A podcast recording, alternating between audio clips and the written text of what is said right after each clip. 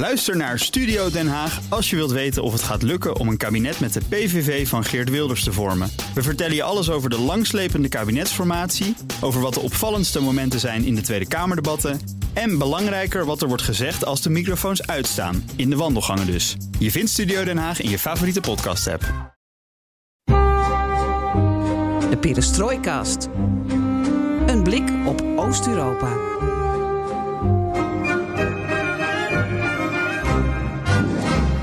Welkom bij BNR Perestrooikast, aflevering 158 van de enige podcast van Nederland die volledig oog voor het oosten heeft en geeft. En zonder Geert-Jan, die geniet van een welverdiende vakantie.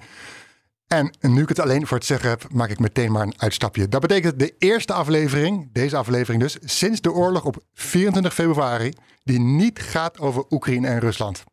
Al zullen deze landen ongetwijfeld worden genoemd. Van Rusland weet ik dat zeker, want ik ga het met journalisten Marlijn Koster en Zoran Bogdanovic hebben over de Bosnisch-Servische president Milorad Dodik. Zeker. En Bosnië-Herzegovina en waar de liefde tussen Bosnische Serviërs en Rusland vandaan komt.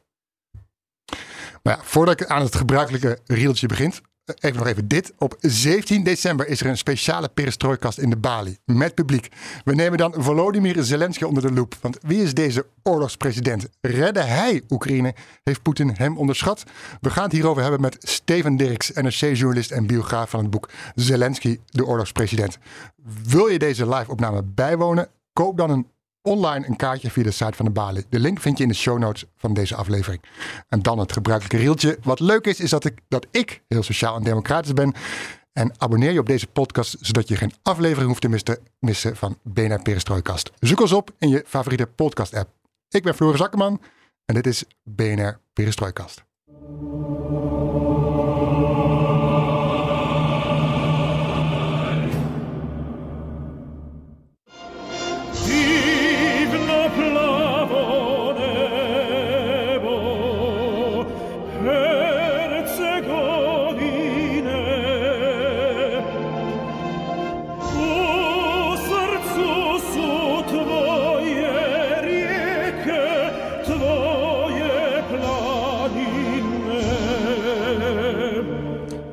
Een ander volkslied dan Rusland of Oekraïne. En de afgelopen maanden kregen we meerdere verzoeken, verzoeken van luisteraars om ook eens de aandacht te vestigen op andere landen in onze regio. Ja, Rusland, Oekraïne slokken immers alle aandacht op. Enerzijds logisch en terecht over deze twee landen. Anderzijds is het onze journalistieke taak om te vertellen wat er nog meer gebeurt in de wereld. In de wereld van perestrooikast.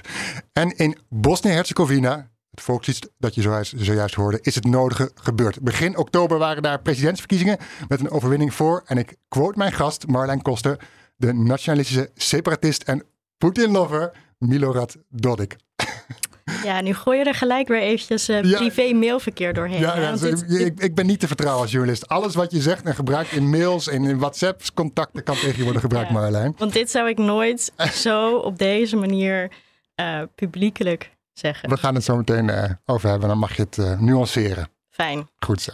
Ehm, we gaan het hebben over wat die uitslag van die presidentsverkiezingen betekent voor het land. En waarom Dodik Poetin-lover, misschien niet door Marjolein, maar wel door mijn andere gast, eh, journalist Zoran Bogdanovic, wordt genoemd. Ook daar heb ik wat nuances bij, maar dan komen we zo meteen. Altijd maar die nuances. Enfin, nou goed, daar komen we zo meteen op terug hoe het nou zit met die eh Dodik als Poetin-lover. Eh, even Marjolein, het was eigenlijk een smeekbede. Hè? Je hebt ons gestalkt met meerdere mails dat we het echt moesten hebben over iets anders dan Oekraïne, Rusland, Zelensky en Poetin. Waar moet het gaan over Bosnië-Herzegovina? Ehm, eh, nou ja, eh, kijk, allereerst, ik vind het gewoon heel erg goed dat het heel erg vaak over Rusland en Oekraïne gaat. Dus ik vind ook helemaal niet dat dat niet moet of iets dergelijks. Ehm, maar jullie hebben ook zelf meerdere keren gezegd van, oh ja, we moeten het wel weer een keer hebben over de Balkan. En dan denk ik zeker in relatie tot Rusland, tot deze oorlog.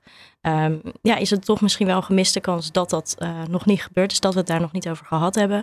Eh, Servië en Bosnië zijn, eh, nou ja, naast Belarus de enige landen in Europa die de sancties tegen Poetin niet steunen tegen Mhm. Rusland. Mhm. Ehm, En ja, tuurlijk, aan de ene kant zijn het die twee gekke kleine landjes die ergens eh, daar in het eh, Zuidoost-Europa liggen. Aan de Beetje andere uit ons zicht. Ja, precies. We zien Mhm. het niet echt. Maar aan de andere kant denk ik dat het heel veel zegt dat zij die sancties niet steunen. En eh, nou ja, dat dat best wel interessant kan zijn voor jullie luisteraars om daar meer over te weten. Ja, dan wil je daar nu wat over zeggen of gaan we er zo meteen over hebben? Nou, volgens mij gaan we het de hele goed, tijd is over goed. hebben. En jij ook blij dat we, Zoran, dat we aandacht besteden aan iets anders dan Oekraïne, Rusland? Ja, ik ben blij dat ik hier ben. Dankjewel Marjolein.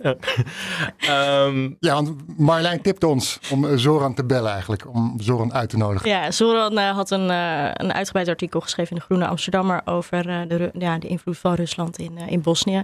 Ja. En ik dacht, nou, hij weet er waarschijnlijk nog meer over dan ik. dus het Ja. lijkt me goed om hem erbij te hebben. Ja, je noemt de artikelen van Zoran in De Groene inderdaad. Daar heb je, ik heb er een paar van gelezen, schitterende verhalen over geschreven. Met eh, mooie couleuren lokaal, om het zo maar te zeggen. Je schrijft voor De Groene, maar je bent eh, eh, veelzijdig. Je schrijft ook over eh, bier drinken in coronatijd. ja, Heel Brabants. Dagblad, geloof ik. oh ja, dat heb je goed gezien inderdaad. Ja. Ehm, maar je bent ook, wat zei je ook weer? Ik ben het even kwijt. Ik, ik schrijf wel eens over ecologie en Mhm. geestelijke gezondheidszorg. ja. ja. Maar goed, je, je achtergrond is de Balkan. Ja, ja. Oké, Daar komen we zo meteen nog wel verder op terug. En Marjolein moet je ook nog even wat beter introduceren als journalist. Nog steeds ook nog bij RTL. Ja, ook. Ja. En One World. Eh, al een tijdje niet meer. Eh, Nederlands Dagblad. Ehm ben bezig met een verhaal voor Wordt Vervolg magazine. Mhm, Eh, ook een aantal verhalen voor de Groene Amsterdammer. Dus ehm, Mooi, her en der. cool. Ehm, dat ga ik nog. Wanneer kan ik dat lezen in de Groene Amsterdammer?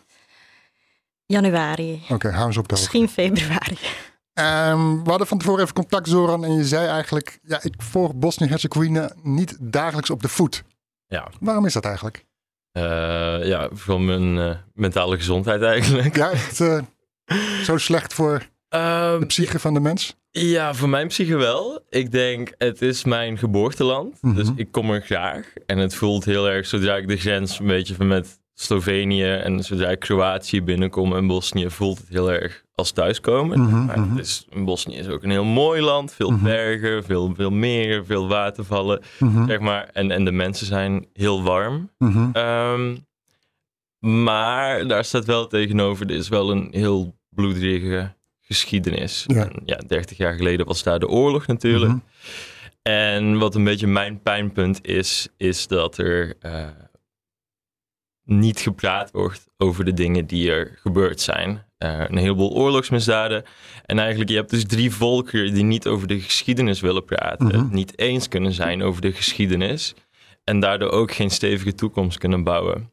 Ja. Dus die verdeeldheid zit er nog steeds. Ja. En daarmee wil je niet dagelijks mee achtervolgd worden, want dat, dat houdt je dan wakker. Of, Ja, ja, maar er zijn ook andere thema's zoals armoede. Zodra ik er ben, zie je het op, op elke hoek, zeg maar. En, en ja, mijn standpunt is heel erg van... Hè, ze- ik, ik ben niet iemand die zegt van... Hè, laten we het constant over de geschiedenis hebben. Maar Mhm. wel van... Hè, laten we ervoor zorgen dat er, dat er een bepaalde consensus is... over een bepaalde waarheid. Van Mhm. wat, wat is er nou eigenlijk gebeurd... zodat we verder kunnen, zeg maar. ja. En ik denk dat de, de huidige het politieke stelsel wat er nu zit, die maakt heel erg gebruik van dat er geen consensus is over wat er is gebeurd, Mhm.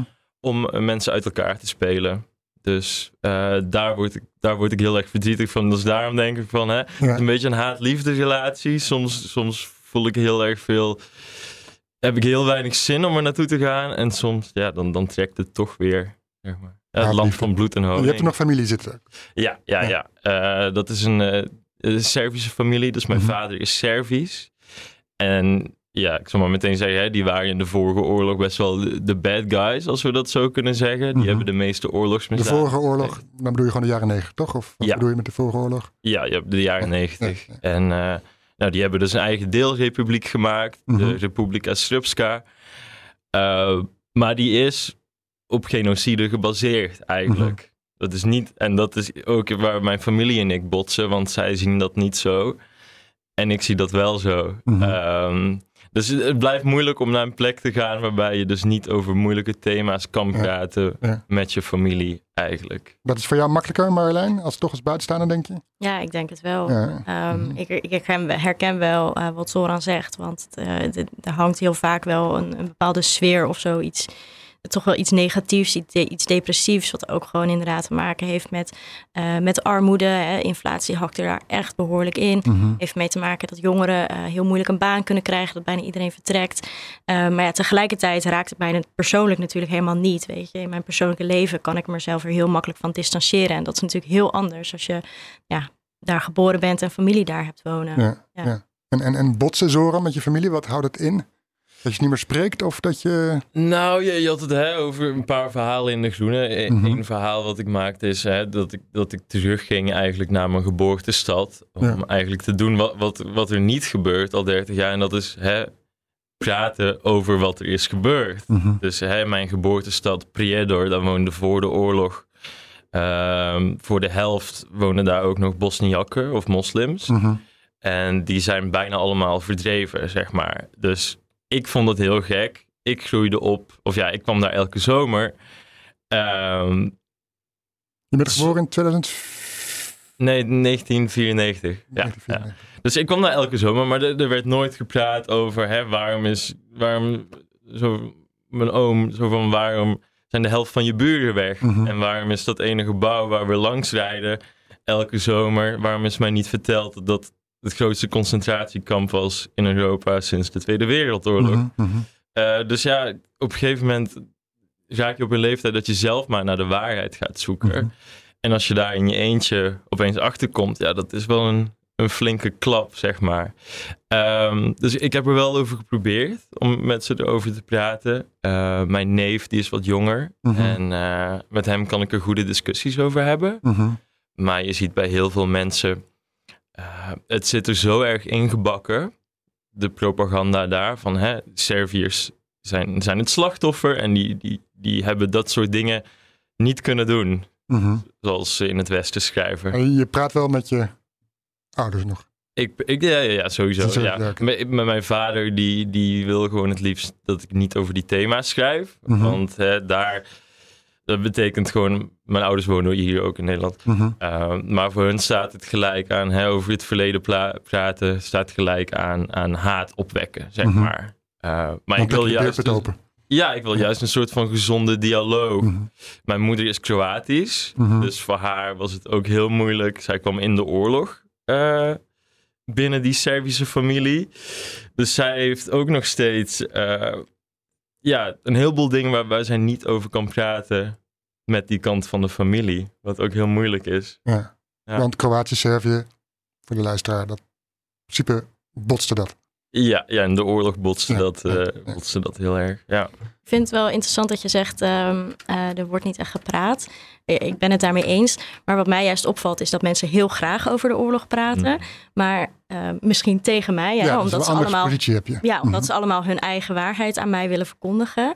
En dat het juist iets, heel, iets is wat ze graag kwijt willen. Maar ik herken heel erg wat je zegt, dat, dat het gesprek erover is er niet. Dus het is praten tegen elkaar, en het is, maar er wordt niet echt naar elkaar geluisterd. Waardoor, er, eh, ja, waardoor het geen gesprek is, maar een twee mo- monologen. Ja, iedereen houdt zijn verhaal en Ja, eh, ja. is dan zijn ei kwijt. Eh, Ik ben het daar wel mee eens, maar het is soort van als ik, als ik naar Serviërs luister, die hebben een soort van verhaal wat, wat van bovenaf is geserveerd. En dan is het, het, het klinkt bijna als een tape recorder die opnieuw en opnieuw afspeelt, zeg Mhm. maar. Dus eh, ja. Laten we even gaan naar de verkiezingen.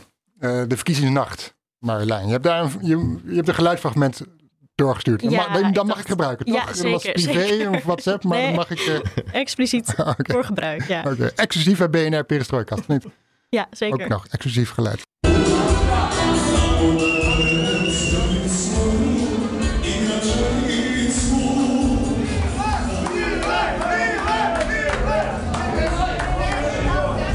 Dobro večer.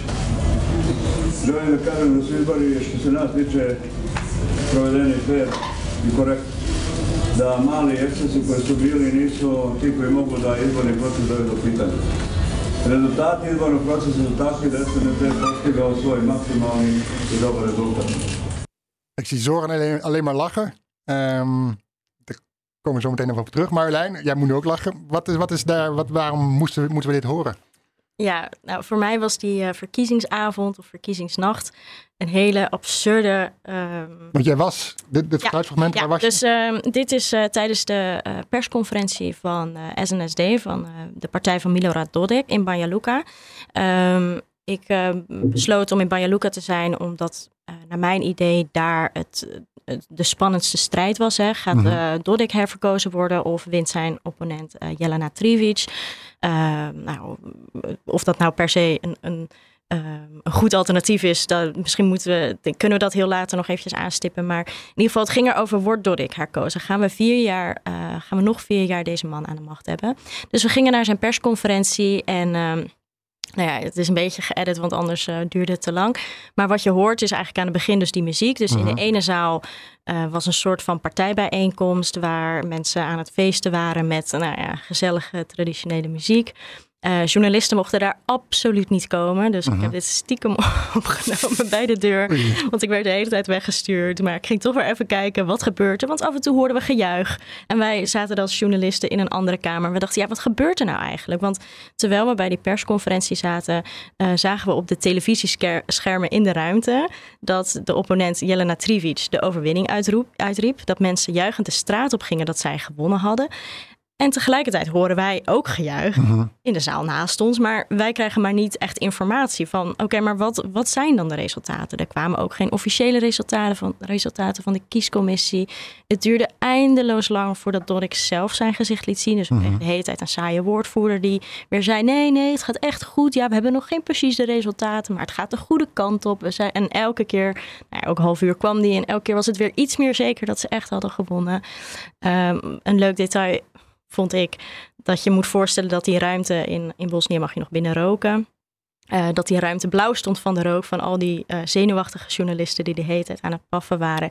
Er werd bier uitgedeeld, er was allemaal eten. Dus het was bijna ook onder journalisten een gezellig feestje. Mhm. Behalve dan dat wij zoiets hadden van waar blijft die Dodik nou en wie heeft er nou eigenlijk gewonnen? Mhm. Ja, dus het was een gekke avond. ehm, ja, waar nog steeds heel veel over te doen is. Want, Ja, en op eh, het eind hoor je Dodik, toch? Want- ja, ja, op het eind hoor je Dodik. eh, oh ja, en eh wordt er dus, eh, als hij binnenkomt, wordt er gescandeerd Miele, Miele. mhm. Dat zijn, eh, ja, hoe noem je dat, een koosnaampje of zo, zijn bijnaam. Eh, maar dat zijn journalisten die dat roepen. Eh, dus dat geeft ook wel weer aan eh, hoe, ja, hoe media en politiek in Republika Srpska met elkaar verbonden zijn. Ja, Ja. ja. Jij, moest, jij moest lachen vanaf het begin af aan al, Zoran, toen je dit hoorde, dit geluidsfragment. Ja, want eh, meneer Dodik zei dat alles eh, eerlijk is verlopen. Dus ik snap ook niet dat we hier zitten dan. ja, wat doen we hier eigenlijk? Ja, dat is jouw idee. ja, klopt. nou, en ehm, Eh, Maar nog even, ja. waarom moest je zo Mhm. lachen? ja, om, omdat het heel duidelijk is dat die verkiezingen echt vanaf sinds het einde van de oorlog eigenlijk verlopen die niet eerlijk. Mhm. Ehm, ik kan wel wat voorbeelden geven bij ons in het dorp dan. Ehm, zie je de politici bijna nooit. En bijvoorbeeld, er moet, er moest al twintig jaar een waterleiding worden aangelegd door het dorp. No big deal zou je zeggen. Eh, maar die kwam maar niet. Maar wat ze deden is elke keer een klein beetje wateraanleiding aanleggen. Op een paar huizen. En dan net voor de verkiezingen komen ze weer aan. En dan zeggen ze van, hè, als jullie op ons stemmen, dan zorgen wij ervoor dat alles wordt aangelegd. Mhm. En dan doen ze weer een beetje. En zo steeds opnieuw, zeg maar. En dat is maar een van, een van de voorbeelden. Een van de andere dingen is, soms worden stemmen letterlijk verkocht. Eh, ik heb voorbeelden gehoord van, van ja, één stem is 20 euro waard, zoiets. Ehm, werk je in een... Bed- stem wordt verkocht, jij krijgt 20 euro en dan stem ik op eh Ja. Ja, precies. Mhm. Ehm, als jouw baas bij bijvoorbeeld Dodik's partij hoort, eh, moet je soms wel op hem stemmen. En dat controleren ze dan ook, of Mhm. je dat hebt gedaan. En soms gebeurt het ook wel eens dat eh, mensen hun overleden oma bijvoorbeeld hebben zien stemmen, tussen aanhalingstekens. Eh, dus hè, dat er mensen die do- letterlijk dood zijn op een stemlijst, ja, Een stem dan dat- opeens een stem hebben uitgebracht. Ja, ja. dus heel, heel Ja. gekke dingen. Mhm. Ja, en wat volgens mij ook belangrijk is om te benoemen, want dit zijn allemaal, ehm, hè, al, al die dingen zou je denken van, nou, hoeveel invloed kan dat nou hebben? Maar er zijn gewoon helemaal niet zo heel veel. Republika Srpska, ja, hoeveel mensen? Anderhalf miljoen of zo? Anderhalf miljoen, misschien Ja, minder. Dus hoeveel kiesgerechtigden? Nou, nog een stuk minder. Daarvan stemt de helft maar. Dus eh, het, ja, een paar honderd stemmen kan al het verschil maken. En nou ja, vaak gaat het niet om een paar honderd, maar een paar duizend. En eh, nou ja, uiteindelijk is er dus ook wel een hertelling geweest na deze verkiezingen. Omdat nou ja, mensen de boel niet vertrouwden en terecht. En er zijn ook heel veel, eh, ook op verkiezingsdag zelf, heel veel ongeregeldheden. Maar ja, uiteindelijk is dan al die maniertjes die voorafgaand aan die verkiezingen plaatsvinden, die zorgen dan toch voor dat Dodik weer wint. Omdat hij zoveel macht heeft dat hij mensen ja, toch kan dwingen om op hem te stemmen eigenlijk. Ja, want mensen, waarom die macht is hij, hij zit aan alle knoppen of hij heeft overal lijntjes in. Hij heeft, eh, Ja, zo zou je dat kunnen zeggen, denk ik. Ook, ook wat jij zei, hè? hij heeft de macht over de media. Ja. Heel Mhm. erg. Dus eh, hij dicteert, zeg maar, het politieke discours ook. Mhm. Dus ja. Ja, en, en het is natuurlijk eh, tricky. Ehm, kijk, aan de ene kant denk ik, wie ben ik om eh, te zeggen dat de officiële resultaten van de verkiezingscommissie eh, niet kloppen. Ik wil best wel geloven dat dat is wat er daadwerkelijk gestemd is. Ehm, maar ik, ik zat daar tijdens die persconferentie en ik zag Dodik binnenkomen. En hij was helemaal niet de zelfverzekerde grote, eh, ja, het is een soort beer vind ik het altijd, een beetje grote man. Eh, hij leek heel zenuwachtig. Hij zat een beetje met zijn handen aan een papiertje te, te, te rommelen. Ehm, alles aan zijn lichaamstaal zag ik, hij heeft hier een brandje moeten blussen. Hij is zenuwachtig, want hij is iets aan het verkondigen wat niet waar is. En ehm, dat durf ik zo stellig te zeggen, omdat er genoeg aanwijzingen zijn Mhm. dat er gewoon geen bal van klopt. Ehm, maar hij kan het weer zo goed, eh, hoe zeg je dat, onder het tapijt schuiven, schuiven, dat je er ook weer weinig tegen kan beginnen. Ja. En dat is toch wel een vervelende situatie. Ja. Nou, nou, er waren wel protesten, toch? Daarna. Ehm, zijn die als een nachtkaars uitgegaan? Of wat, wat, wat, hoe moeten die protesten... Nou ja, er waren protesten van de oppositie, die wilden een Mhm. hertelling. Nou ja, die hertelling is uiteindelijk gekomen. Ehm, ja, en wat kun je. En dan, inmiddels ben je dan anderhalve maand later. En ik denk dan toch wel dat mensen dat, dat vuur ook weer een beetje, dat het alweer uitgedoofd is. En Mhm. dat mensen, misschien dat eh, Zoran daar ehm, meer ook vanuit eh, eh, iets, iets meer van weet. Maar mijn ervaring is dat mensen, mensen zijn zeker wel bereid om te protesteren. Ze gaan regelmatig de straat op. Maar als het telkens zonder resultaat is, dan op Mhm. een duur verlies je die motivatie. Dan denk je, ja, wat maakt er nou eigenlijk nog wel uit? Ik eh, verhuis wel naar het buitenland. Dat Ja. is dan wat er vaak gebeurt. Ja. ja, dat is, me- mensen worden heel apathisch. Maar ik denk ook een belangrijk element waarom hij die verkiezingen blijft winnen, is hij profiteert letterlijk van de armoede daar. Dus de politieke leiders die er zitten, die, die hebben ook geen, die willen ook niet dat het land vooruit gaat. Nee, ik, ik wil ze niet allemaal over één kam scheren, maar goed. Maar hoe Eh, profiteert hij dan van die armoede? Nou, nou bijvoorbeeld hè, de, de jonge mensen met een universitaire diploma, een kritische massa.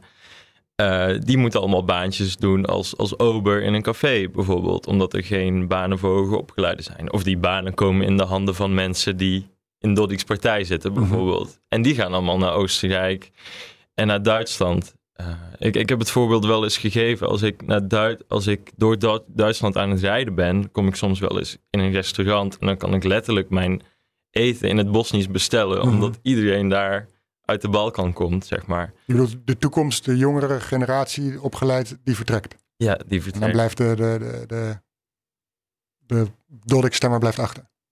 Ja, zo heel, als we het heel zwart-wit zeggen. Ja, Mhm. maar de- we hebben het over allemaal elementen die ervoor zorgen dat hij die verkiezingen blijft winnen. En dit, dit is er wel één van. Als we even kijken naar, naar die, die, die uitslag. ehm, ja, die is omstreden. Maar kun je er toch iets uit, uit, uithalen van hoe ziet die Doddik-kiezer eruit? Waarom stemmen ze op hem? Hmm. Ik eh, denk dat mensen op eh Dorik stemmen, dat er zeker een groep is die zijn eh, nationalistische sentimenten, dat ze daarachter staan. Ehm, ik denk altijd dat het heel belangrijk is om te zeggen dat het niet zo is. Ik denk gewoon niet dat een mens in zijn kern eh, nationalistisch is. Dat is natuurlijk altijd iets wat gegroeid is, wat opgewekt is. En dat is iets wat al, nou ja, Dodik is eigenlijk al sinds 2006 aan de macht, Dodik en zijn partij. Eh, bijna alle oppositiepartijen zijn ook nationalistisch. Dus dat Mhm. is ook het enige wat mensen om zich heen horen. Ehm, en ik wil het ook weer niet als een excuus geven voor bepaalde nationalistische retoriek. Maar ik denk wel dat het heel erg veel invloed heeft op de stemmer. Hè? Dus ja, er is zeker een groep die dat eh, sentiment heel erg ondersteunt. Dan heb je een groep die eh, van zijn baan afhankelijk is van Dodik. eh, hè, omdat ze zelf eh, bij een bedrijf werken of een neef of een vader of weet ik veel wat. Of ze willen een baan en stemmen daarom op de partij of worden lid van de partij. Het wordt soms letterlijk bij sollicitaties gevraagd. Ben je lid van, eh, van deze partij? Nee, nou dan krijg je de baan niet. Of eh, ben je bereid om lid te worden? Ehm, en dan heb je ook nog, ja volgens mij, ik denk dat dat een beetje de twee grootste groepen zijn, maar ook wel gewoon heel veel onwetendheid bij mensen. En als het enige wat jij op de televisie ziet, ehm, ja, uh, Doddik en zijn partij uh, is, dan, ja, dan weet je haast niet dat er een alternatief is. En nogmaals, het is natuurlijk geen excuus, maar het is meer een verklaring, zou ik willen Ja. zeggen. Ja. Ja, ik denk die, die tweede groep mensen die je noemt, dat, dat, dat heb je overal in de wereld. Ook hier gewoon mensen die een gewoon leven willen leiden.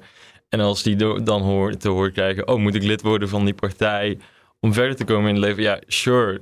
Kan Mhm. ik weer verder? Kan ik in ieder geval voor, zorgen dat mijn kinderen naar school Ja. kunnen, dat ik ze kan aankleden enzovoort. ja, ja. Ja. Ja, en eh, wat ik ook nog heel kort wilde toevoegen is dat ehm, vrij kort nadat, ehm, ehm, nadat dan bekend was dat Dorik herkozen was, heeft hij ook zijn eigen loon ehm, verhoogd.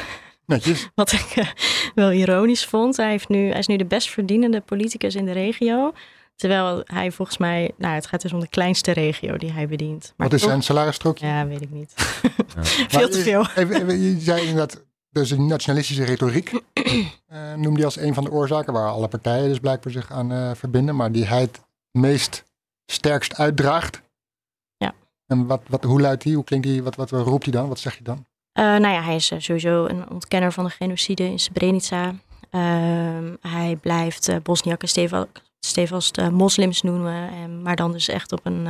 ja, mensen kunnen moslim zijn, maar hier is het bedoeld als... eh, ehm, nou ja, toch wel een ander volk wat hier niet hoort. Wegzetten. Ja, Mhm. zeker wel. Het is heel erg typisch eh, groepen tegen elkaar neerzetten. Inderdaad, inspelen op wij zijn, wij zijn het slachtoffer, wij zijn de good guys, maar iedereen is tegen ons. Ehm, en dus sinds een jaar nu ongeveer eh, is hij, hij was heel actief bezig met het ehm eh, Republika Srpska afscheiden van de rest van Bosnië. Mhm. Nou, dat heeft hij, die plannen, die wetten liggen er, maar die heeft hij een beetje in de ijskast gezet. Ehm, hij zegt vanwege alle onzekerheden in de wereld, dus doelend op de oorlog in Oekraïne, dat de timing nu niet goed is. Maar eigenlijk denken heel veel mensen, nou ja, als er een keer wel een goede timing is, dan zal hij daar zeker weer mee doorgaan.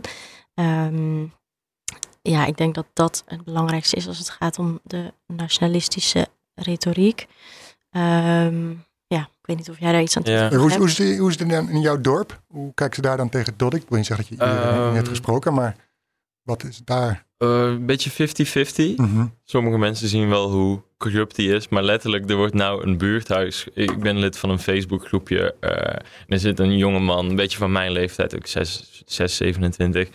En die wil het buurthuis eh, vernieuwen, zeg maar. En daardoor, daarvoor krijgt hij steun van, de, van Doddik's partij, zeg Mhm. maar. En dan zie je Steun als financieel of geld? ja, financieel, maar het, is niet veel hoor. En dan ook een belofte van, oh, we gaan een weg asfalteren. Want ik heb dit jaar, toen, toen ik was over die weg gelopen, ja, dat, in, in de winter, er zijn allemaal losse stenen eigenlijk. Dus in de winter eh, is die onbereikbaar eigenlijk, Mhm. ontoegankbaar. Ehm, maar dan zie je ook op Facebook die discussie van, hè, oh, moeten wij, moeten wij met de partij gaan die allemaal, die heel corrupt is, zeg maar. En de anderen zeggen van, ja, nee, laten we die hulp maar accepteren, want het is beter dan niks. Ehm, maar ik wil nog heel, wow, sorry. Ge- geeft niks. de, Ik was aan Zorg kon even niet van de microfoon afle- afblijven. stoeien met de microfoon, ja. Ehm, Maar nog even, even ja. naar het buurthuis. Komt dat er nu dan? Of, hoe, eh, of zit het nog steeds een punt van discussie eh, binnen de Facebookgroep? En, en, Eh, nee, het komt er wel. En ze zijn ermee bezig. En die jongen is ook donaties aan het binnenhalen. Want hè, dat dorp leeft eigenlijk alleen maar op in de zomer. En dat is de situatie bij veel Bosnische dorpen. Mhm. As we speak zijn er misschien 50 mensen, waarvan de meeste 60 plus, laten we Er zeggen. wonen 50 mensen in het dorp. Ja, ja Mhm. terwijl als ik naar de verhalen van mijn vader luister, ja, eerst woonden er 400, 500 mensen voor de oorlog. Uh, maar daar zie je dus heel erg ook die, die brain drain en, en Mhm. die, die jonge mensen die, die weggaan. En dan Ja. komen die in de zomer, gaat, komt de diaspora terug. Of, eh, Precies, Voor, precies. voor dat buurthuis. Dus dan, nou, niet zozeer voor het buurthuis, maar hè, mijn vader kan dan weer even langs het riviertje liggen en Ja. naar, de, naar de vogels luisteren, zeg maar. Doneer jij aan het buurthuis? Eh, ik wilde het in eerste instantie doen. Mhm. Eh, maar ik zie ook een heleboel nationalisme daar. Waarbij ik denk van, hmm, ik weet niet of ik hier zo, zo achter sta. Maar anderzijds denk ik wel van, nou ja, het is wel goed. het de buurthuis is verbonden nationalisme of daar zit, hangt iets omheen dan? Of? Zeg maar, diezelfde jongen verkoopt t-shirts met eh Republika Srpska erop. Dus een beetje, hè. Die, die nieuwe generatie wordt niet opgevoed van, hè, wij wonen in Bosnië. Maar wij wonen in het Servische gedeelte van Bosnië. Mhm. En ze hebben bijna geen contact met andere volkeren. Met Bosniakken en met Kroaten. Dus eigenlijk, hè, eh, nieuwe generaties worden met een bepaalde mythe opgevoed. Eh, maar daar wilde ik nog even op aanhaken, want hè, je noemde Dodik's nationalisme. En dat is ook zeker zo. Maar ik vind het heel intrigerend. Dodik is een man die eind jaren negentig door, de, door het Westen eigenlijk aan zijn positie is geholpen. Eh, dus zoiets heb je ook bij Erdogan gezien. Een soortgelijke autoritaire leider. Dus in het begin was hij heel erg pro-Westen. Mhm. En toen heeft hij op een gegeven moment een draai gemaakt. Ook omdat hij zich, denk ik, realiseerde van... Hè, als, ik, eh, als ik het genocide in Srebrenica niet erken... als ik nationalistische stoere praat opzet... dan win ik stemmen. Mhm. Eh, dus dus ik, ik geloof wel dat hij nationalistisch is... maar ik geloof wel dat er een zeker pragmatische aanpak... Ja, we kunnen het zo meteen even hebben Ja. over van hoe Dodik getransformeerd is van eh, Western lover naar Putin lover.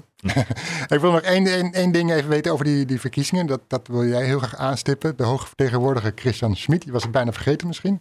Zie je knikken.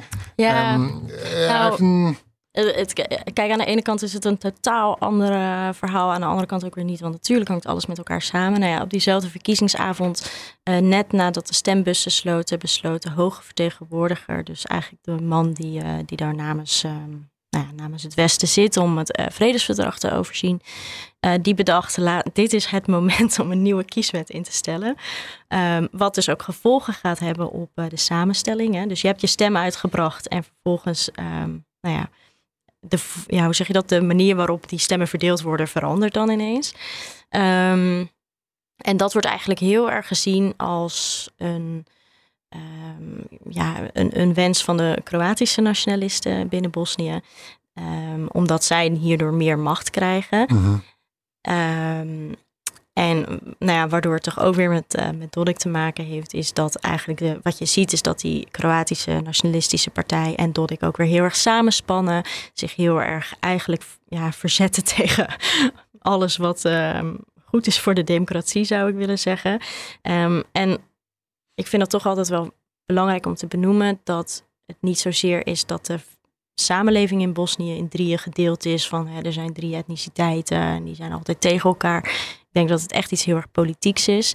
En dat je juist ook ziet dat die ehm, nationalistische takken heel veel steun hebben aan elkaar. Mhm. Want als jij jezelf continu afzet tegen een andere groep, ehm, groepen tegen elkaar opzetten, dat heeft baat, daar hebben allebei die groepen baat bij. Ja, ja. En het is voor hen politiek goed om dit te doen. En dus zoeken ze daarin juist ook weer die samenwerking op. Dus Mhm. het is aan de ene kant totaal idioot. Eh, en aan de andere kant eh, ook heel erg logisch. Want eh, zo blijven ze aan de macht. Dus die kieswet speelt Dodik dan in de kaart. Of, Eh, dat- Ja, dat denk ik wel. ehm, omdat, het, omdat het de Kroaten meer macht oplevert. En dat zorgt er eigenlijk weer voor dat het, ehm, nou ja, dat het de democratische partijen minder macht geeft. Mhm. En ehm, die kieswet is nog wel, die moet nog goedgekeurd worden. Die recht, eh, dat zou eigenlijk vorige week zijn, maar die rechtszaak is weer uitgesteld. En het is dus ook nog niet helemaal zeker. Er moet nog getoetst worden van, nou ja, eh, kan dit eigenlijk wel juridisch gezien? Ehm, dus daar wachten we eigenlijk nog op. Eh Schmid is ook, eh, de hoogvertegenwoordiger is ook op het matje geroepen door de Europese Unie. Eh, Europese Unie, of in ieder geval het overgrote deel daarvan is het helemaal niet eens met deze beslissing, terwijl hij daar namens ons ook zit. Mhm. Dus ik denk dat dat eh, in de komende, ja, we weten het nooit. Ik zou zeggen dat moet een, een staartje krijgen, maar het kan ook weer zomaar ergens, nou ja, uitbranden en dat er niks mee gebeurt. Maar Ja. het is in ieder geval een hele slechte ontwikkeling, omdat het voor nog meer verdeeldheid zorgt in het land. Anja, En verdeeldheid is goed voor Poetin. Eh, Nee. voor Poetin, ja, ook voor Poetin. Maar voor voor is, hè? Mm, laat je ons weten als het, eh, de boel ontbrandt wat betreft dit Nou, ga je ons dan weer mailen en dan kun- nodig je weer uit? Nou, kijk, als Smit wordt weggestuurd of zo, dan denk ik dat jullie dat eh, niet per se van mij hoeven te horen. Dan Ja. horen jullie dat sowieso wel. Ja, je, je hebt de naam al ge- genoemd waar je hoofd van vol van is. Ja, het was een eh, soort Freudiaanse Ja, verspreking, ja, of nou, niet? er zit meer achter, denk ik. Ehm, laten we even kijken. We hebben de verkiezingen gehad. Nou, we willen het even hebben over die Dodik als Poetin-lover. Dat mogen jullie alle twee nuanceren. Maar hij begon eigenlijk dus, zoals Zoran al zei, als, als, en jij stuurde hem ook al een gifje daarvan. eh, in de beginjaren van Dodik als politicus, dat hij eigenlijk een, een, een loverboy was. Loverboy. en, en, eh, een, een, een, een, een, een lover was van het Westen. Of het daar eigenlijk op goede voet mee stond. Ja, en ik, toen ik het ook weer aan het lezen was, dacht ik, het lijkt ook een beetje op ehm, wat Orbán heeft gedaan. Mhm. hè. Die was in het begin ook heel erg voor vrijheid, voor het Westen. Eh, en die heeft op een duur ook heel erg die, die switch gemaakt. En dan, ehm, ja, dan wordt dat toch gedaan vanuit een soort machtsbelustheid. Of, of ja, wat is dat dan? Dat weet ik ook niet zo goed. Wie- Maar ze zien in ieder geval Dodik? dat het werkt. Wat is de ware Dodik dan? Is dat dan Dat weten we die, die niet. Poetin-lover of de Western-lover? Ik denk dat Dorik een opportunist is. Ja, maar ik denk ook, macht maakt gek. Dus we zullen nooit precies weten wat er in zijn hoofd omgaat. Maar ik kan me wel voorstellen dat bepaalde dingen heel erg naar je hoofd stijgen. Mhm. En ik, er zijn bepaalde journalisten die dan ook weer bronnen hebben. Dus ik, ik weet niet wat waar is en wat niet waar. Maar dat hij ook ehm, ja, een beetje op een, in een ivoren toren zit, zeg maar. Mhm. Wat, wat dat betreft. En dat hij zich ook een beetje... eh, dat hij heel onvoorspelbaar is, daardoor ook. Ja, maar waar, komt op, waar was dan het moment dat hij eigenlijk transformeerde van zich afkeerde van, van de Europese Unie en zijn blik op Moskou richtte? Dat was, het- zoals hij zelf zei, dat was begin jaren 2000, heeft hij in een interview gezegd van hè, hij is mee geconfronteerd. Van eerst, eerst zei hij openlijk gewoon in Srebrenica heeft genocide plaatsgevonden. Serviërs hebben dat gedaan. En eh, nou, nou zegt hij dus het tegenovergestelde. En daarmee is hij dus geconfronteerd. En toen zei hij van, hè, ik kwam erachter wat voor onrecht het Servische volk is aangedaan. En Mhm. dat is eigenlijk hè, de, de, de hele mythe die in het Servische volk en een politieke stelsel speelt daar eigenlijk. Mhm. Ehm, en ja, als we het dan over Poetin hebben, dat zie je eigenlijk ook een beetje bij Poetin. Mhm. Want eh, Poetin zegt ook van hè, iedereen is tegen Rusland, of ja, het Westen is tegen Rusland, maar jullie zien het verkeerd. Nee, de Russen zijn hier het slachtoffer. Mhm.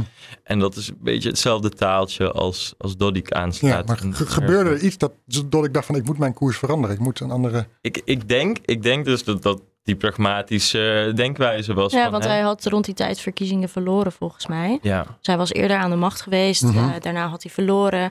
Eh, hè, hetzelfde als bij Orbán volgens mij. En dan wordt er dus blijkbaar nagedacht van... Nou, hoe kan ik weer aan de macht komen? Nou, dit is een sentiment wat ergens leeft. Laat ik dat aanspreken. En als je ziet dat dat werkt... dan ja, is dat eh, inderdaad heel pragmatisch om daarin door te gaan. Maar ik denk dus inderdaad ook... het is aan de ene kant misschien op een, ja, vanuit een soort pragmatisme of opportunisme begonnen.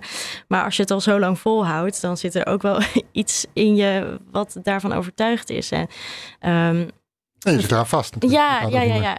Een, eh, een vriendin van mij zegt elke keer... Ja, maar ik weet dat Dodik eh, tijdens de oorlog eh, ook Bosniakken gered heeft. Dus hij is in zijn hart geen nationalist. Eh, Dat klopt, hij heeft Bosnië... Bosnië dat zegt zij. Ik eh, weet niet of dat zo is, maar volgens mij is, dat wel, is het wel bekend dat hij niet in de oorlog heel erg eh, nou ja, anti-Bosniak of iets dergelijks was. nee.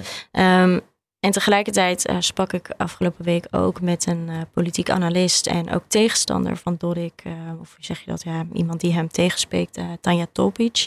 En zij, ehm, zij, dus ik legde dat aan haar voor, hè, van denk je nou dat hij dat hij echt zo is in zijn hart, of, of ja, in zijn hart, dat hij echt zo is, of dat het ook gewoon een manier is om aan de macht te blijven. Zij zegt, nou, hij speelt dat sentiment elke dag. Dus ik vind het te makkelijk gezegd dat het alleen maar is om aan de macht te blijven. Mhm. Het is ook wel iets waar hij zelf van overtuigd is. En nu komen we toch weer terug op dat nationalisme. Maar dat nationalisme heeft dus eh, juist dat sentiment. eh, omdat dat zo overeenkomt met wat er momenteel in, in Rusland voor sentiment is. Ehm, en, da- en daarom zoekt Dodik eigenlijk, zie je, het laatste is het, jaar, alleen maar dat hij nog meer contact zoekt met, eh, met Rusland en met Poetin. Ja. En ehm, zie ik het ook als dat hij ehm, daar gewoon heel erg die steun zoekt. Omdat het een soort nog de enige grootmacht is die, ehm, die hem die steun kan geven. Ja, is, is, hij, is hij dan een Poetin-lover of niet? Want jullie, Marjolein, in de privémail, maar Do- eh, Zoran in je groene, je groene artikel schrijf je het letterlijk. Mhm. Eh, of in ieder geval het intro geloof ik. Dus misschien is het Oh ja, intro, maar de, de intro, door ik- iemand anders geschreven. dat Ja, zou ook nog kunnen. Ja, Dat- ik, ik precies. dacht al, wanneer heb ik dit geschreven? Nee, dat is, is het intro door, door de redacteur geschreven. Maar goed, je naam staat erbij, dus, dus zo gaat het. Ehm, geen, jullie willen dat beeld nuanceren van Poetin-lover. Ja, maar ik, ik, ik, denk, ik denk dat we daar voldoende over hebben gezegd om een beetje een beeld te schetsen voor, voor de luisteraar, eh, toch? Ja. Ehm, ja, ik denk ook wel dat hij een Poetin-lover is. Alleen vind ik het soms, eh, zou ik het gewoon niet zo snel zo zelf opschrijven. Omdat Mhm. het een, eh, een ja, te, te makkelijk frame is. Mhm. Voor een veel te complexe eh, situatie of zo. Maar ja, in praktijk, op dit moment handelt hij wel op die manier, weet je. Eh, hij, is, ehm, hij, hij is absoluut tegen de sancties tegen Rusland. Blokkeert ook dat. Want eh, heel veel eh, partijen in Bosnië willen het wel. Maar hij en dus ook weer de Kroatische nationalist zorgen ervoor dat die sancties er niet komen.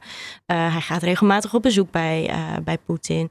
Hij, ehm, nou ja, dan zeggen ze dat ze onderhandelen over gasdeals of over economische samenwerking.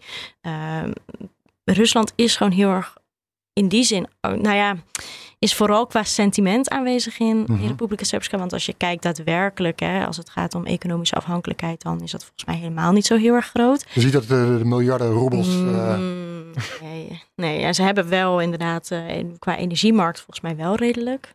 Maar dat weet ik helemaal Ja. niet, niet helemaal precies. Gaan we het daar nu al over hebben? ja, dat kan wel toch? Ja. Ja. Over de energiemarkt bedoel je? Of? Ja, of over een beetje de Ruslands economische rol. Want, Ja, daar, kunnen we, ja, daar wil ik zo meteen nog even Ja, op. ja, ja. Dat schrijf je ook op in je, in je verhaal. Maar hij is niet de Poetin-lover. Die, dat etiket willen niet, niet, op hem plakken. Maar hij, eh, dus dat bij deze schrappen we dat, dat frame. Maar je ziet wel dat hij eh, zijn, zijn, zijn, zijn, zijn, zijn, touwtjes aantrekt met, met, met Rusland. Ja, zeker. Omdat, eh, omdat ze toch iets, eh, iets delen. Ze delen een eh, bepaald anti-westers sentiment. En eh, ze zoeken elkaar daarin op. Ehm, ja, en ehm, eh, kijk, sommige mensen zeggen dan... eh, want Dodik staat ook al een aantal jaar op een sanctielijst van, eh, van de VS...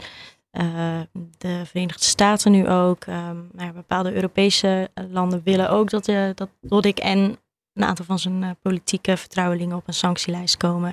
Sommige mensen zeggen ja, maar dat moet je dan dus niet doen, want dan, creëer, dan maak je dat anti-westerse sentiment nog erger. Dan drijf je hem alleen maar in de armen van Poetin. Dus eh, je kan dan het hebben over ja, wat is oorzaak-gevolg. Maar volgens mij moet je het zo zien van nou, deze man ehm, is al een, een vriend van Poetin. En eh, het is niet per se zo dat je dat nog verder gaat maken door een, eh, op een sanctielijst of Ja, iets dergelijks ja. te zetten. Nee. Is, is, is dat, dat, dat pro-Russisch sentiment leeft dan ook onder zijn kiezers? Ja, heel erg. Mhm. Ik denk, een beetje, we we hadden het over eh, dezelfde retoriek. Ehm, de, de, volgens de Serviërs is hen een heel groot onrecht aangedaan in de jaren 90. Dus in 95 zijn eh, Servische posities eh, gebombardeerd door de NAVO. Mhm. Dus eigenlijk hè, door ons. Dus ja, mijn vader is eigenlijk gebombardeerd door, want die, die moest ook in het Servische leger natuurlijk. Mhm. Ehm, die is gebombardeerd door het Westen. Dus toen dachten ze al van, hè, ehm, dit, dit verdienen wij niet als Servische Mhm. volk. En, en zij zeggen van, ja, Bosniakken en Kroaten, die hebben ook oorlogsmisdaden begaan. En dat is ook zo, alleen Servië is nou eenmaal op veel grotere schaal. Eh, daarbij komt ook nog dat eh, in Kosovo, eh, dus vier jaar later in 99, de Serviërs ook zijn gebombardeerd. En toen is eigenlijk heel Servië platgelegd. Dus eh, fabrieken, bruggen, van alles is, is plat gegooid daar. En toen, ontstond, toen was er ook een sentiment in de westerse wereld, eh, wat misschien ook wel een beetje te ver ging, hè, van dat alle Serviërs bad guys zijn. Mhm. En, en daardoor is eigenlijk bij, bij hen hè, enerzijds dus dat slachtofferschap en anderzijds die bombardementen. En daardoor leeft bij, bij Serviërs heel erg het gevoel ook van hè, de wereld, eh, de westerse wereld, ze hebben, ze hebben de pik op ons. Mhm. En dat, is een beetje hetzelfde wat je, wat je bij de Russen ziet. Datzelfde sentiment. En ja, je, je, ziet ook, je ziet ook een heleboel parallellen met bijvoorbeeld met de oorlog in de jaren negentig. De, de Servische propaganda was ook heel erg, hè? jij noemde het al eerder, de moslims, de Bosniakken. Eh, zij zijn niet echt Bosniakken, zij zijn gewoon Serviërs, maar met, die een geloof verlogend hebben. Want ze zeggen van ja, jullie waren eerst christenen, maar jullie zijn overgegaan. En hebben Eh, het land niet goed genoeg verdedigd. Ja, ja, precies. Jullie zijn verraders eigenlijk. En dat is een beetje hetzelfde wat, wat Poetin, Mhm. eh, Poetins retoriek is in, in Oekraïne. Dus eigenlijk zou je bijna kunnen zeggen dat, dat Poetin het heeft afgekeken van de Serviërs. In, eh, Ja, en eh, nou, ik wil nog een keer refereren naar eh, een interview wat ik had met eh, Tanja Topic, tegenstander van Dodik dus. Zij, is door Dodik ook pu- publiekelijk uitgemaakt voor een Duitse spion. Mhm. En ze, hij zei, jij collaboreert met de Duitsers, met de nazi's. Ehm, en zei daar achteraan nog eventjes van ja, en we weten wat we hier doen met collaboreurs eh, van de nazi's. Nou Ja, volgens mij dat, dat soort retoriek ehm, ja, is bijna één op één Ja, met wat ja, Poetin eh, zegt. Dus heel erg zijn tegenstanders op zo'n manier neerzetten dat ze ehm, nou, ook echt heel veel tegenstand ondervinden. En, en dat dus uiteindelijk de heel veel van hen ook echt weggaan, waardoor je eh, ja, als het zo doorgaat, volgens mij Republika Srpska overhoudt, waar echt helemaal geen, eh, geen tegenstand meer mogelijk is. Ja. Nog even, jij stipt het al aan, je wilde het daar over hebben. Die Russische hand, eh, wat is daarvan dan zichtbaar, los even van de retoriek, maar van, de, van eh, gas, energie, economisch vlak. Ik- Volgens mij in jouw artikel schreef je dat de Russen bedrijven of fabrieken overnemen en dan volledig laten ver- verpauperen. ja, ja, maar wat, wat concreet, wat zie je terug van die Russen in... in eh, Nou, ik, was dus deze zomer voor dat verhaal was ik in Bosnië en in dat Servische gedeelte. En toen kwam ik bij een raffinaderij in een plaatsje Brood, heet het. En eh, die raffinaderij was eerst echt de econo- ja, economische motor van het stadje, schreef ik ook volgens mij. Ehm, en toen is die door de Russen overgenomen. En dat werd eh, ja, in de media en de Dodix Media was dat heel bombastisch aangekleed. Van oh, dit is de grootste investering in Bosnië eh, door de Russen. Maar eigenlijk is, is sinds die investering is het land, is die fabriek gewoon helemaal uitgekleed. Dus wat je zag is dat het management opeens in dure auto's ging rijden. En, eh, maar de lokale brandweerkazerne werd opgeheven. mhm. En ja, het is een oude raffinaderij, dus die moet eigenlijk twee maanden werken. En dan moet er twee maanden rust zijn voor onderhoud. Nou, de Russen hebben het, eh, en dat is een Russisch staatsbedrijf. Een dochter van een staatsbedrijf, om precies te zijn, dochterbedrijf van. Eh, maar die hebben het vier jaar lang in één stuk door laten, draaien. Dus het resultaat was een enorme explosie. Daar is ook iemand bij omgekomen. En sindsdien, eh, ja, dit is het onofficiële, maar wel het ware verhaal, draait die raffinaderij niet. maar wordt die gebruikt om, om olie en benzine dus te smokkelen eigenlijk. Dus die Mhm. wordt ingekocht vanuit de haven in Kroatië en dan houden ze het vast totdat de prijs stijgt en dan Mhm. verkopen ze het. Dus ze doen, eh, ze doen alsof daar iets wordt gedaan, iets wordt geproduceerd, maar dat, maar dat is helemaal niet aan de hand. Dus eigenlijk, en, en dat zie je eigenlijk in heel Republika Srpska. Dus de Russen kopen samen met de lokale, met Dodik's partij eigenlijk, kopen ze een fabriek om, kleden ze helemaal uit. ehm, en laten het bedrijf in enorme schulden achter. Schulden die dus op het bord komen van de belastingbetaler. Mhm.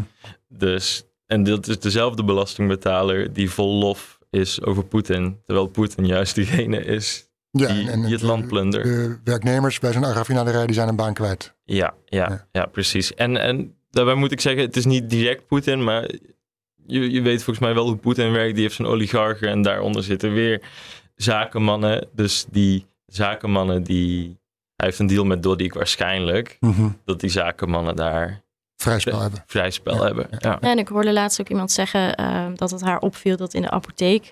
eh, Wie- kort, ehm, een eh, vriendin van mij, zij is onderzoekster. Mhm. En zij, ehm, zij was eigenlijk op zoek naar, ehm, naar die invloed van Rusland eh, in Bosnië.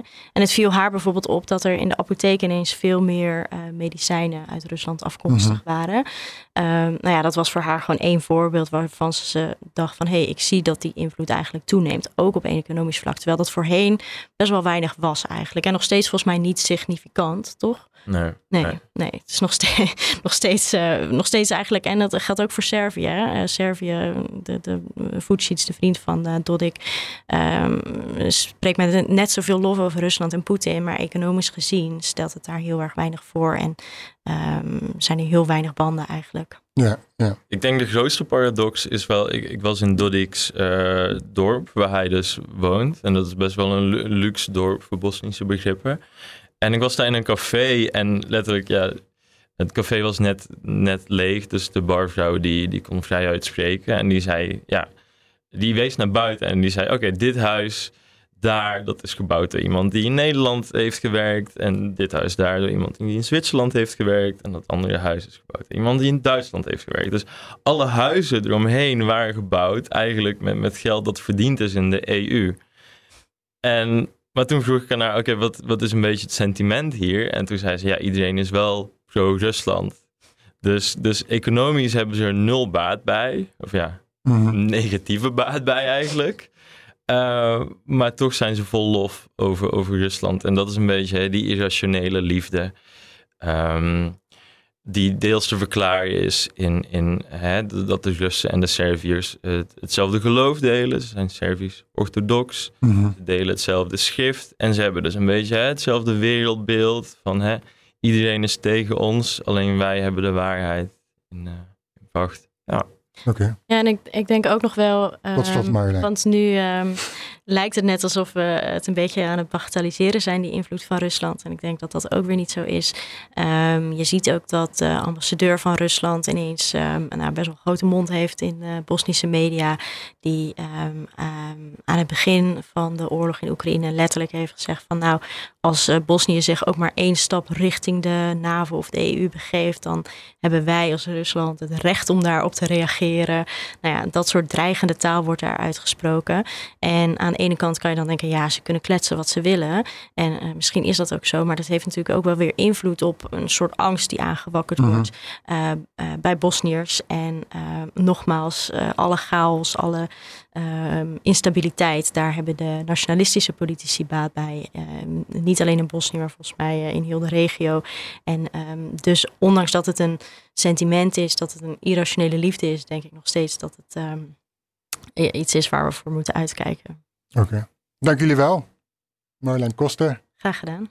Journalist, Balkan-expert, mag ik het zo schrijven? Ja hoor, is goed. En Zoran Bogdanovic, niet alleen Balkan-expert, maar ook ja, expert op andere terreinen. Ja, laten we dat zeggen. uh, nog even, de, de kerstvakantie komt eraan. Heb je nog een boekentip aangaande jullie regio? Dat mensen onder de kerstboom kunnen vragen of kunnen lezen? Mm, Oké, okay, ja, een boekentip. Ik uh, las recent het boek uh, De Bus uit Mostar, heet het volgens mij.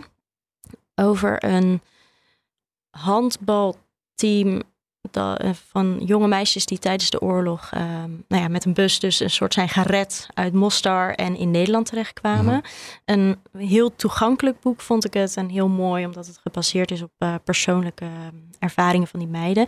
Maar eigenlijk wil ik een film tippen die kan niet echt handig onder de kerstboom en ik weet ook niet zo goed waar die online te bekijken is, maar toch wil ik mensen een soort uh, motiveren om het te, te proberen.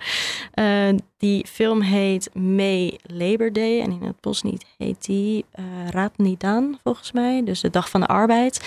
Um, het is een hele mooie film die um, um, eigenlijk over al deze dingen gaan. Dus een groep uh, oudere mannen die niet praten over de oorlog, maar dan wordt een vriend van hen opgepakt omdat hij tijdens de oorlog uh, nou ja, mensen vermoord zou hebben, burgers Mhm. vermoord zou hebben.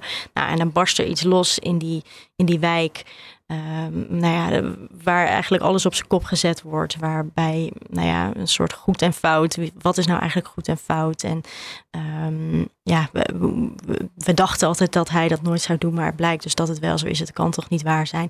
En ondertussen blijven ze eigenlijk bezig met de voorbereidingen voor de barbecue van de Dag van de Arbeid. Dus daar zit ook iets heel moois in of zo. Dat een soort het dagelijks leven ook doorgaat. En dat het heel belangrijk is dat je het beste vlees hebt voor op de barbecue. Dat is zeker belangrijk, dat laatste.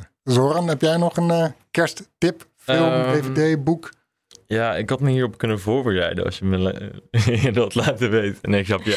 Um, ik, ik zit te denken aan, volgens mij heet het De Camino. Ik heb hem dit jaar gelezen van Anja... De? Camino? Camino, ja. Uh-huh. Zo heet hij toch? Want ik zie ook. Nou, ik heb daar wel over gehoord, maar ik weet niet of het boek zo heet. Oké, okay, ja, van Anja Niviera. Ik weet niet, sorry Anja als je dit hoort. Ik weet niet of ik je naam goed uitspreek. Maar um, dat, dat gaat dus over die, die, die bedevaartsloop in Santiago de Compostela.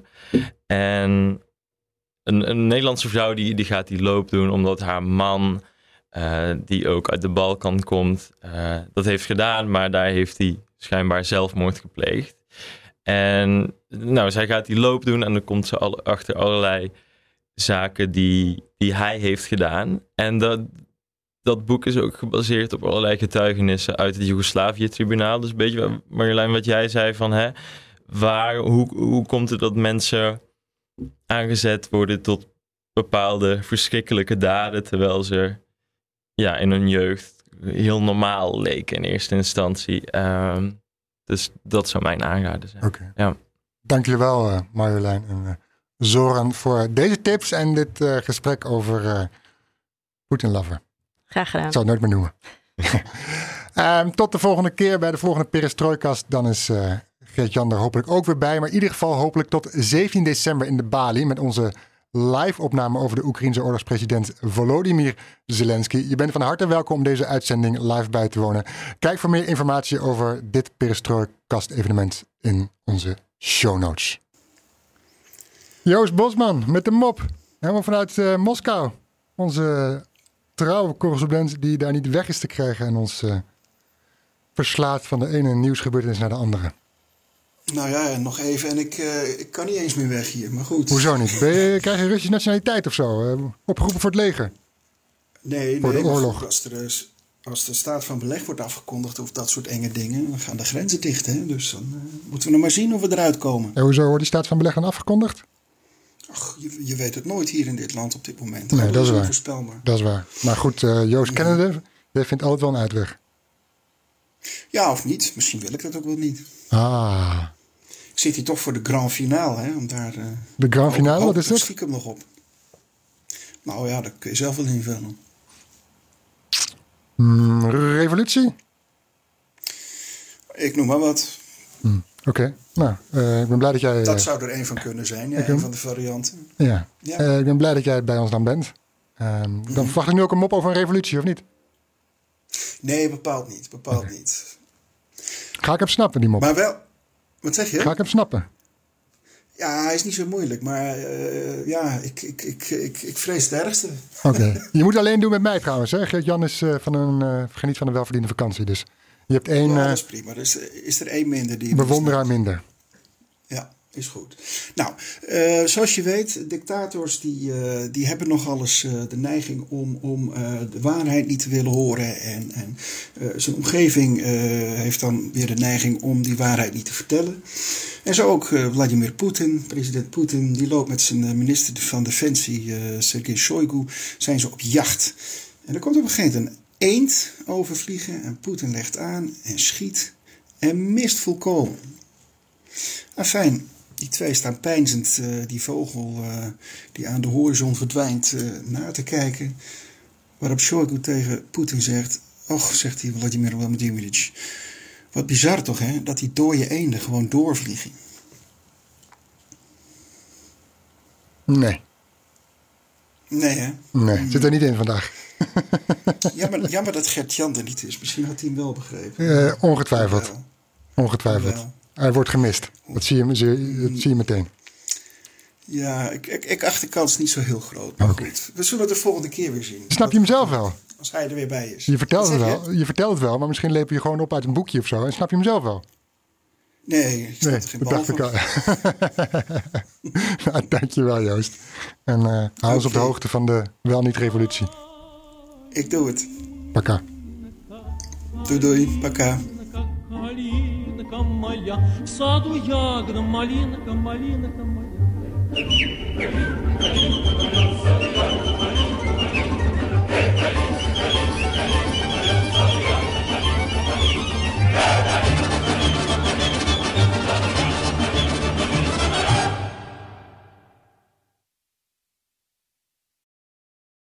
Ook Thomas van Zeil vind je in de BNR-app. Je kunt live naar mij luisteren in Zaken doen, de BNR-app met breaking news, het laatste zakelijke nieuws en je vindt er alle BNR-podcasts, bijvoorbeeld Het Nieuwe Geld. Download nu de gratis BNR-app en blijf scherp.